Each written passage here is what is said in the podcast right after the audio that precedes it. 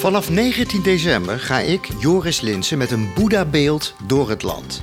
Ik geef deze Boeddha een week lang aan een inspirerende gast... Leuk dat je er bent. die een persoonlijke crisis heeft weten om te buigen tot een waardevolle levensles. Haat kan alleen door liefde worden overwonnen. En na ons gesprek geeft de gast de Boeddha weer door.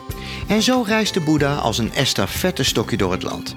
Wat ziet mijn Boeddha als hij een week lang bij iemand in huis staat? Het eh, was me wel een weekje. Luister vanaf 19 december naar Boeddha op de stoep.